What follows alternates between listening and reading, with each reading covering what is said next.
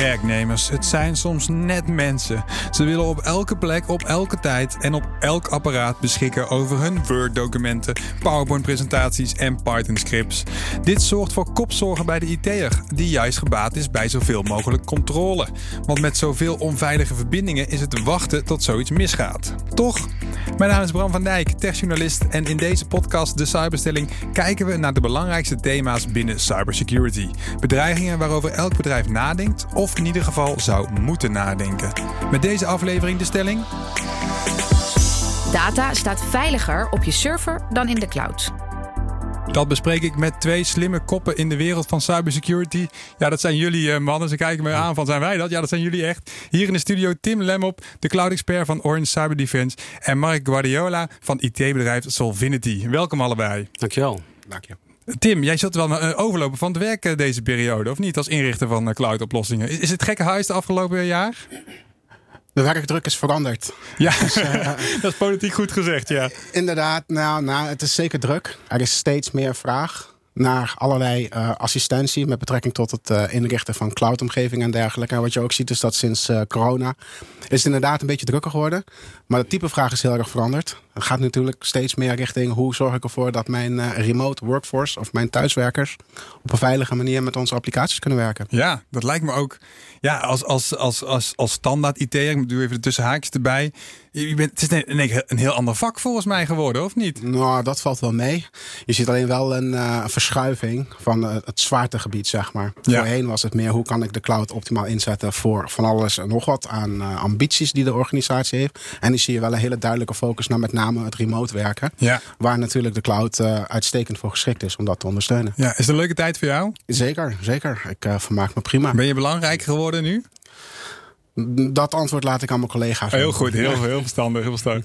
Mark, jij bent uh, CISO van Solvinity, uh, ja, de, de chef security zeg maar. wat, wat doet Solvinity precies? Solvinity is een bedrijf wat applicatie housing doet en ook infrastructuren beheert. Dus echt beveiligingsinfrastructuren. Ja. En dat doen wij eigenlijk zowel in de publieke als in de private cloud. Okay. Dus we hebben van, van beide omgevingen te, te best wel veel verstand. Ja. ja, ja, en een groot bedrijf, hè? 250 man, hè? Vier, ja, vier verschillende vestigingen. Ja, klopt. En hoe is het daar? Hoe, is, hoe heb jij de afgelopen anderhalf jaar beleefd? Uh, nou ja, goed. Uh, voornamelijk op mijn zolder. Ja, ja. Nou ja, goed. Kijk, het zijn vier vestigingen, maar dat is dit jaar of het afgelopen jaar natuurlijk niet meer zo. Hè. Het zijn echt 250 vestigingen. Nou, dat geeft uh, toch wel weer hele bijzondere uitdagingen ook. Hè, van uh, ja, hoe zorg ik ervoor dat al, al je medewerkers op een veilige manier kunnen communiceren met uh, de data. Nou, dat hadden wij op zich al wel voor elkaar, omdat we eigenlijk uh, pre-corona al uh, de filosofie hadden van, nou ja, goed, onze kantoren moeten onvertrouwd zijn. Hè. Dan moeten mensen gewoon kunnen werken. Uh, maar het moet niet zo zijn dat je dan op een super vertrouwd netwerk zit. Nou, op het moment dat je op die manier na nadenkt, mm. dan maak je het ook een stuk makkelijker en veiliger voor jezelf. Ja, dus het was eigenlijk een knop om en, en het, en het lukte ja. al ongeveer. En dat ging inderdaad goed. En de focus bij ons was dus met name om onze klanten ook te helpen om, uh, nou ja, daar waar ze nog net niet helemaal klaar waren met zo'n uh, transitie, om dat uh, te helpen af te maken, zeg maar. Hè? Ja. dus sommige klanten van ons waren nog wel een beetje van, ja, op kantoor is het veilig en daar, daarbuiten niet. Uh, en die moesten we dus eventjes in de derde versnelling mobiel maken en ja. flexibel maken. Ja. ja. Gave tijd, ja. ja, ja zeker. Het, het leuke is, uh, ja, mijn ogen gingen ooit open toen ik de uitspraak las: uh, The cloud is just someone else's computer. Ja, dat vond ik zo fascinerend, ja. want we zien iets, de cloud gaan we het vandaag natuurlijk over hebben. Iets als wat boven ons hoofd zweet, letterlijk een wolk met, met connectiviteit. Maar in principe zit het alleen maar uh, ja, onder onze voeten, kabels die aan elkaar verbonden zijn. Ja. En ja, harde schijven die van de een naar de andere, data die van de een naar de andere harde schijf gaat. Tim, is dat inderdaad de kerk? Is, het, is, het, is dat zo begonnen, de cloud? Of, of wat zie ik over het hoofd? Nou, strikt technisch genomen is dat natuurlijk ook waar. Hè? De, aan de achterkant van zeg maar, de cloud heb je inderdaad gewoon een hele hoop computers die uh, met elkaar verbonden zijn. En in die zin gewoon uh, factor x groter dan wat je thuis gewend bent. Ja. Echter, dat is natuurlijk niet waar uh, de feitelijke meerwaarde van de cloud zit. Um, vanuit dit perspectief kun je de cloud best vergelijken met een nieuw dienstverleningsmodel. En tegenstelling tot zelf je eigen computer, groot of klein, gaan ja. beheren.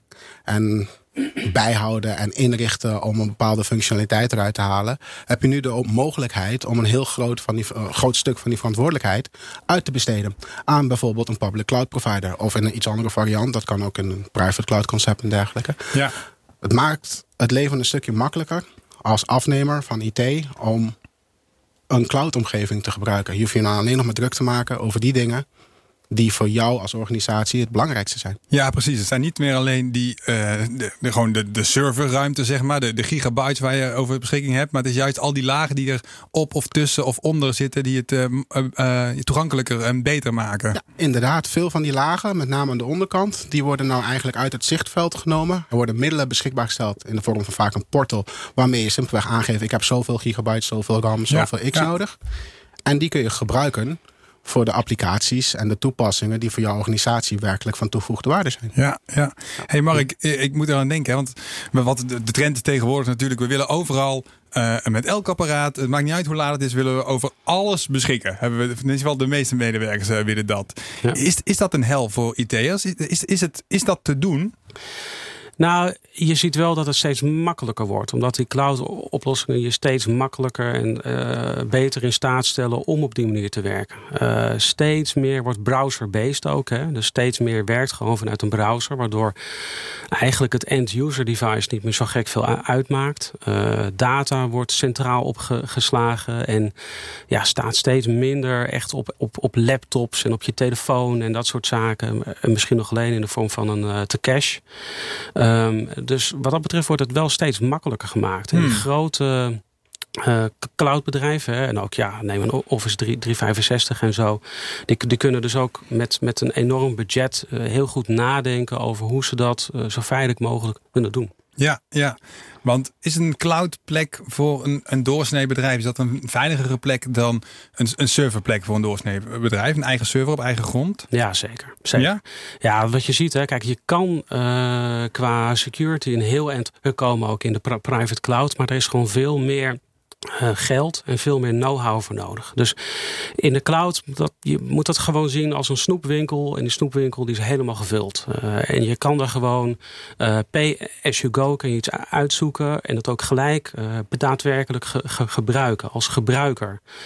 Zonder dat je je dus druk moet maken over hoe ga ik hem updaten. En hoe moet ik hem nou precies configureren. En hoe zit het met de hardening. Dus hoe maak ik dat ding een beetje veilig standaard. In plaats van dat die standaard misschien niet helemaal goed afgesteld uh, staat. Daar, daar denken al die cloud providers al voor je over na. Ja.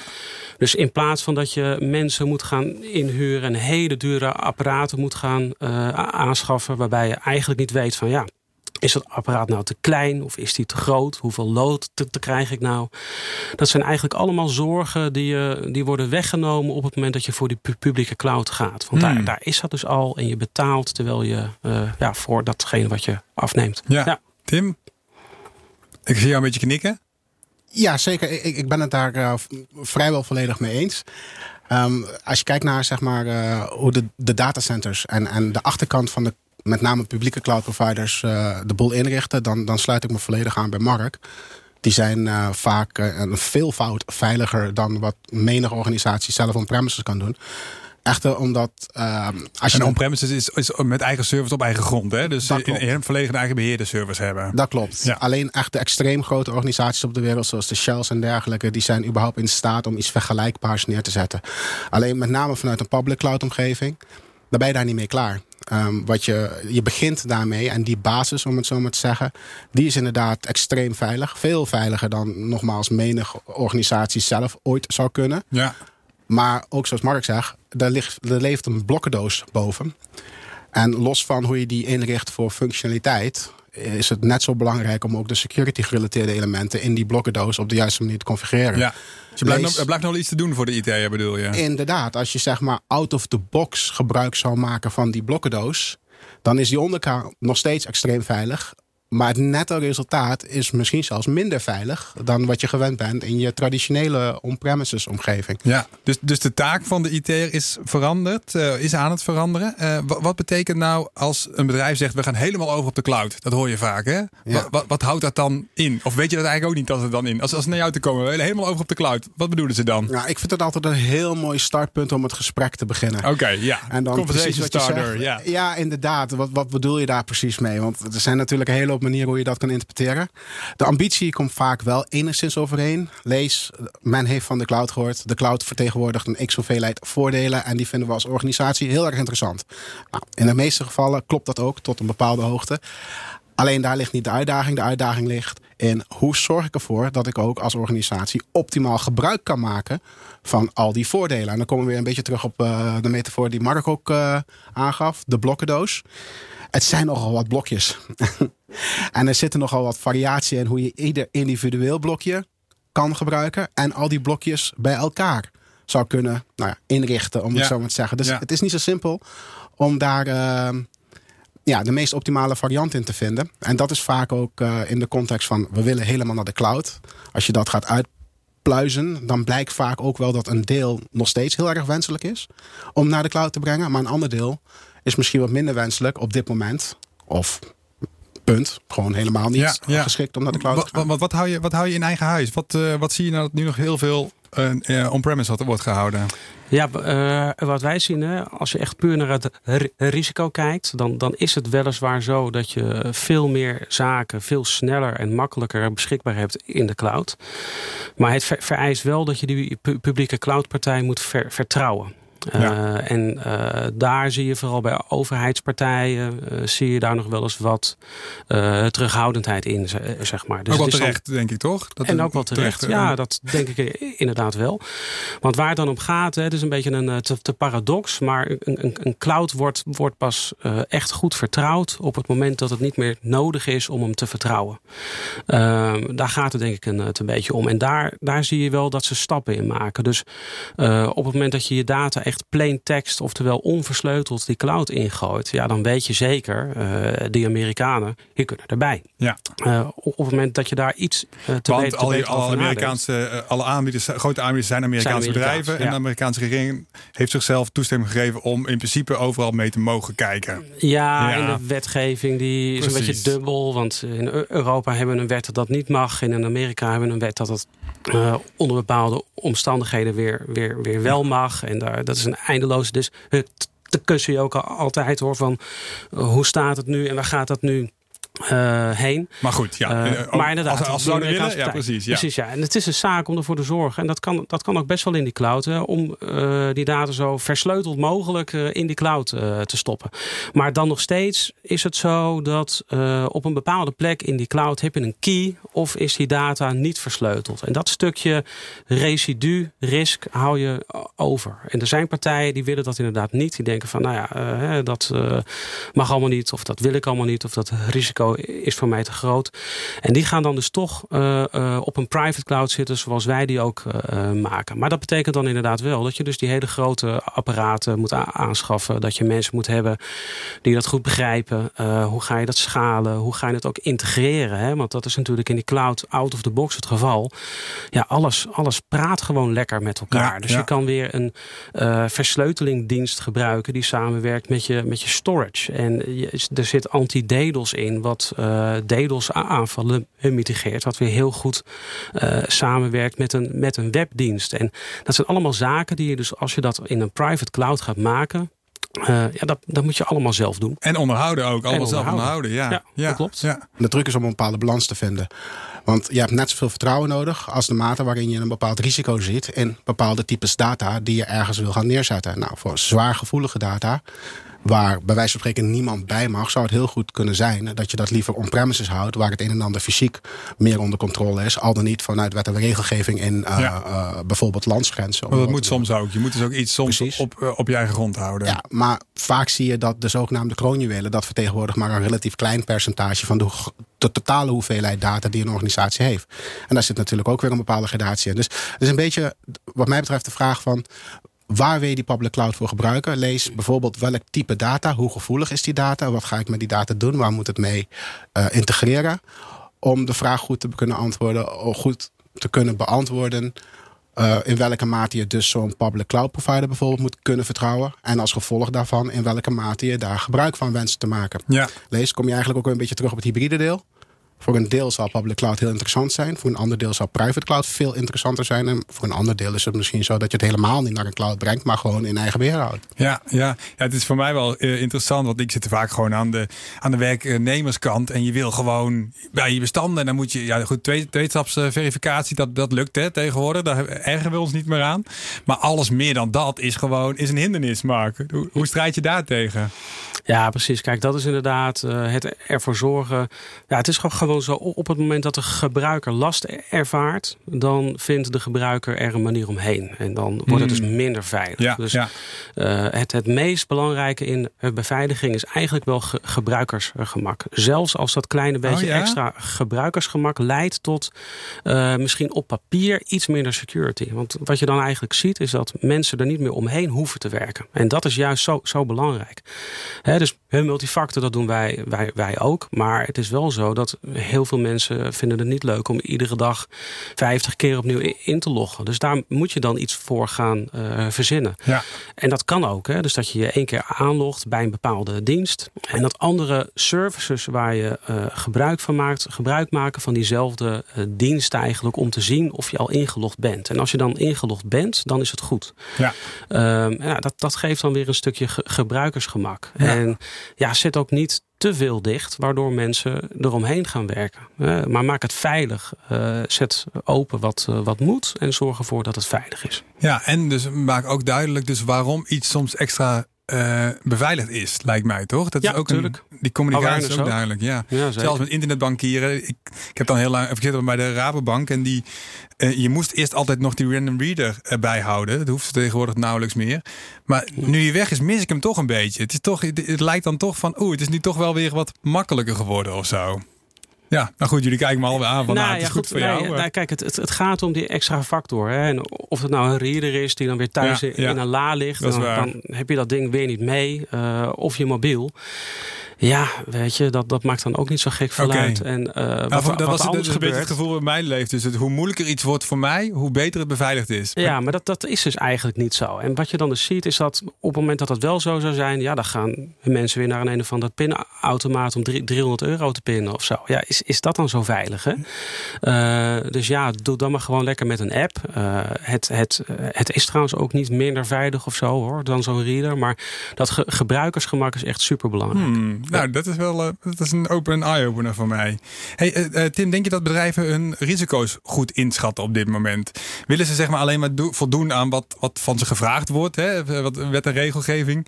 Of ja, willen ze echt werkelijk veilig zijn? Wat denk jij?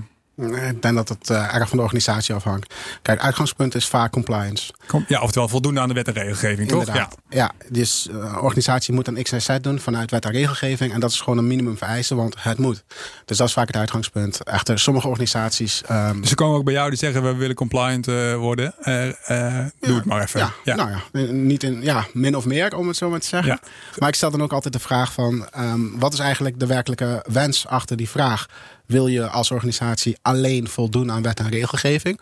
Of wil je delen of al je gegevens werkelijk uh, veilig houden tot een bepaalde maatstaf? Omdat je een bepaalde uh, risicoclassificatie rondom sommige gegevens hebt uh, benoemd, om het Ja. zo maar te zeggen. En dat is toch wel een verschil, want in de meeste gevallen de minimumvereisten vanuit wet en regelgeving, dat is een bepaalde mate van veiligheid rondom een omgeving.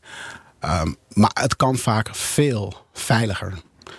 Um, het is ook echt een minimum wat vanuit wet en regelgeving wordt afgedwongen, min of meer. Dus als jij, nou ja, noemen we die kroonjuwelen nog even als voorbeeld. Kroonjuwelen of iets wat erop lijkt, werkelijk veilig wil houden. Dus beschermen tegen zo goed als alle bedreigingen die we erkennen of kennen. Dan is daar vaak meer voor nodig. Is Hm. dat ook de wens? Dan kunnen we het er natuurlijk over hebben. En dan kijken hoe we dat in de praktijk kunnen brengen. Ja, En de cloud kan daarbij helpen overigens. Kan wel helpen. Dit, Ja. Het staat niet in de weg, bedoel je? Nee, nou, nee helemaal niet. Erg nog, het, het kan daarbij helpen. Wat Mark volgens mij net ook al zei, en daar ben ik het mee eens. In theorie, lees als je het goed doet, kun je een veel veiligere omgeving in de cloud bouwen. Ja. Dan on-premises. Omdat de middelen die beschikbaar zijn gemaakt veel groter zijn. En je ziet ook dat alle security vendoren die de security middelen en eh, toepassingen en dergelijke aanbieden, dat die de ook steeds meer en vaker zelfs alleen maar vanuit de cloud aanbieden. Specifiek voor cloudomgevingen. Dus dat is wel een, een aspect wat je ook in je achterhoofd moet houden. Welke middelen zijn überhaupt beschikbaar om een data te kunnen beveiligen? Ja, ja dan komen we ook eventjes bij die, bij die aanbieders. Uh, het zorgt natuurlijk ook voor nieuwe gevaren. Want als een leverancier gehackt wordt, dat is natuurlijk een heel groot woord. Maar als, als er ingangen worden gevonden bij een leverancier, bij een aanbieder. Ja, dan is in één keer iedereen uh, gehackt. Dus als een van die blokjes geïnfiltreerd is met, uh, met code die je niet wil hebben. Dan, zijn dan, een keer heel, dan is in één keer heel veel bedrijven schadelijk. Hoe ga je daarmee om? Nou, dat komt eigenlijk weer uh, wederom terug op het, het blokjes-idee, zeg maar. Delen van die blokjes, daar kun je voor kiezen om gebruik te maken van configuratie die door de publieke cloud provider beschikbaar is gesteld. Maar voor andere delen, bijvoorbeeld encryptie, kun je zeggen: ik ga het wel encrypten, maar ik hou de private key, dat is het deel wat ervoor zorgt dat je überhaupt een stukje gegevens kunt encrypten of decrypten, die hou ik in eigen beheer. En dat betekent in dat scenario dat ongeacht wat de public cloud provider doet, of welke hacker daar toegang toe heeft uh, weten te bemachtigen, die gegevens blijven versleuteld. Want je hebt je private key in eigen beheer. En er zijn meer van dat soort oplossingen waarin je dus wel gebruik maakt van op cloud gebaseerde uh, toepassingen en dergelijke. Maar niet volledig de controle overgeeft aan die specifieke aanbieder. Ja, ja Mark, hoe weet jij of je een leverancier kan vertrouwen? Nou ja, kijk, je kijkt natuurlijk. Uh, kijk, wat ik altijd wel leuk vind om te zien, is, is om te kijken ook naar uh, het uh, security budget van Microsoft bijvoorbeeld. Nou, dat is 1 biljoen dollars. kijk, en dat is natuurlijk iets, ja, daar, daar komen de, hun, Nederlandse private cloud bedrijven, en ook wij niet, wij komen daar niet bij in de buurt. En dat, nee. doen zij, en dat doen zij ook natuurlijk, omdat de stakes, zeg maar, zo hoog zijn. Hè? Want stel dat er inderdaad iets generieks wordt gevonden, waardoor alle data van al die klanten op straat ligt. Ja, dan hebben ze toch, toch wel een beetje een probleem. Uh, dus daar gaat gewoon ontzettend veel geld naartoe. Uh, en dat wordt besteed ook aan risico mitigatie, uh, compartimentalisatie. Hè. Dus op het moment dat één klant wordt gehackt of één systeem, dat dat niet betekent dat gelijk alle systemen worden gehackt. Uh, ze lopen vaak net eventjes iets verder voorop bij de disclosure van een nieuwe vulnerability. Ja. Hè, zodat zij al die systemen alvast hebben gepatcht uh, voordat publiekelijk bekend wordt dat die vulnerability er is. Ja. Uh, dus wat dat betreft lopen zij, lopen zij wel een, een, een stukje uh, voor. Het is alleen, ja, je blijft alleen wel zitten dus hè, met vertrouw je die cloudpartij. En het is niet zo makkelijk om ervoor te zorgen. Of er zijn flink wat beperkingen om die private key in huis te, te houden. Want dat betekent wel dat elke operatie die je met ja, je versleutelde data doet in de cloud, dat moet ja. dan weer lopen via een systeem wat je zelf hebt, waar die private key op zit. Ja, dat is natuurlijk wel lastig. Dus dat is in bepaalde specifieke gevallen kan dat wel. Uh, maar op het moment dat je echt heel, heel veel dingen doet vervolgens nog met uh, die data, ja, dan kan dat weer niet. En dan kan het dus toch verstandiger zijn om dat dan in een private cloud uh, te ja. stoppen. Dus dat is wel belangrijk. En komt er nou, uh, Tim, komt er nou nog te veel macht te liggen bij die. Ik bedoel, we hebben de drie leveranciers, hè, cloud leveranciers, Amazon, Google en Microsoft. Dat is, dat is het een beetje, dat is het zo'n beetje toch eigenlijk van de grote jongens? In het Westen. Je hebt natuurlijk ook Alibaba in China. Ja, goed, laten we daar maar niet op gaan met de cloud, nee. denk ik zo. Dat is, ja, precies. Nee. Ja, nou ja, zeker. Het zijn zeker de drie. Maar hebben zij te veel, beginnen zij te veel macht te krijgen? Want je kunt, eigenlijk kun je niet meer een nieuwe aanbieder van die uh, beginnen. Want je bent altijd min, je hebt altijd niet die 1 miljard per jaar van Microsoft om uh, in de beveiliging te stoppen. Klopt. Nou, um, dat is een hele goede vraag. En ik denk dat het een beetje afhangt van uh, aan welke kant van het hekje staat. Uh, persoonlijk vind ik inderdaad dat er ontzettend veel macht richting de grote techbedrijven zijn. Ja. Ook persoonlijk zou ik het heel mooi vinden als uh, bijvoorbeeld een Gaia X-programma in Europa wat concretere vormen krijgt. Zodat dat is een eigen, een, een, eigen cloud of een eigen. Nou, het is een idee van een eigen cloud op ja. dit moment, ja. simpel gezegd. Maar het zou nogmaals persoonlijk, ik zou het heel mooi vinden als, als Europa ook een concurrerende uh, public cloud omgeving hebben.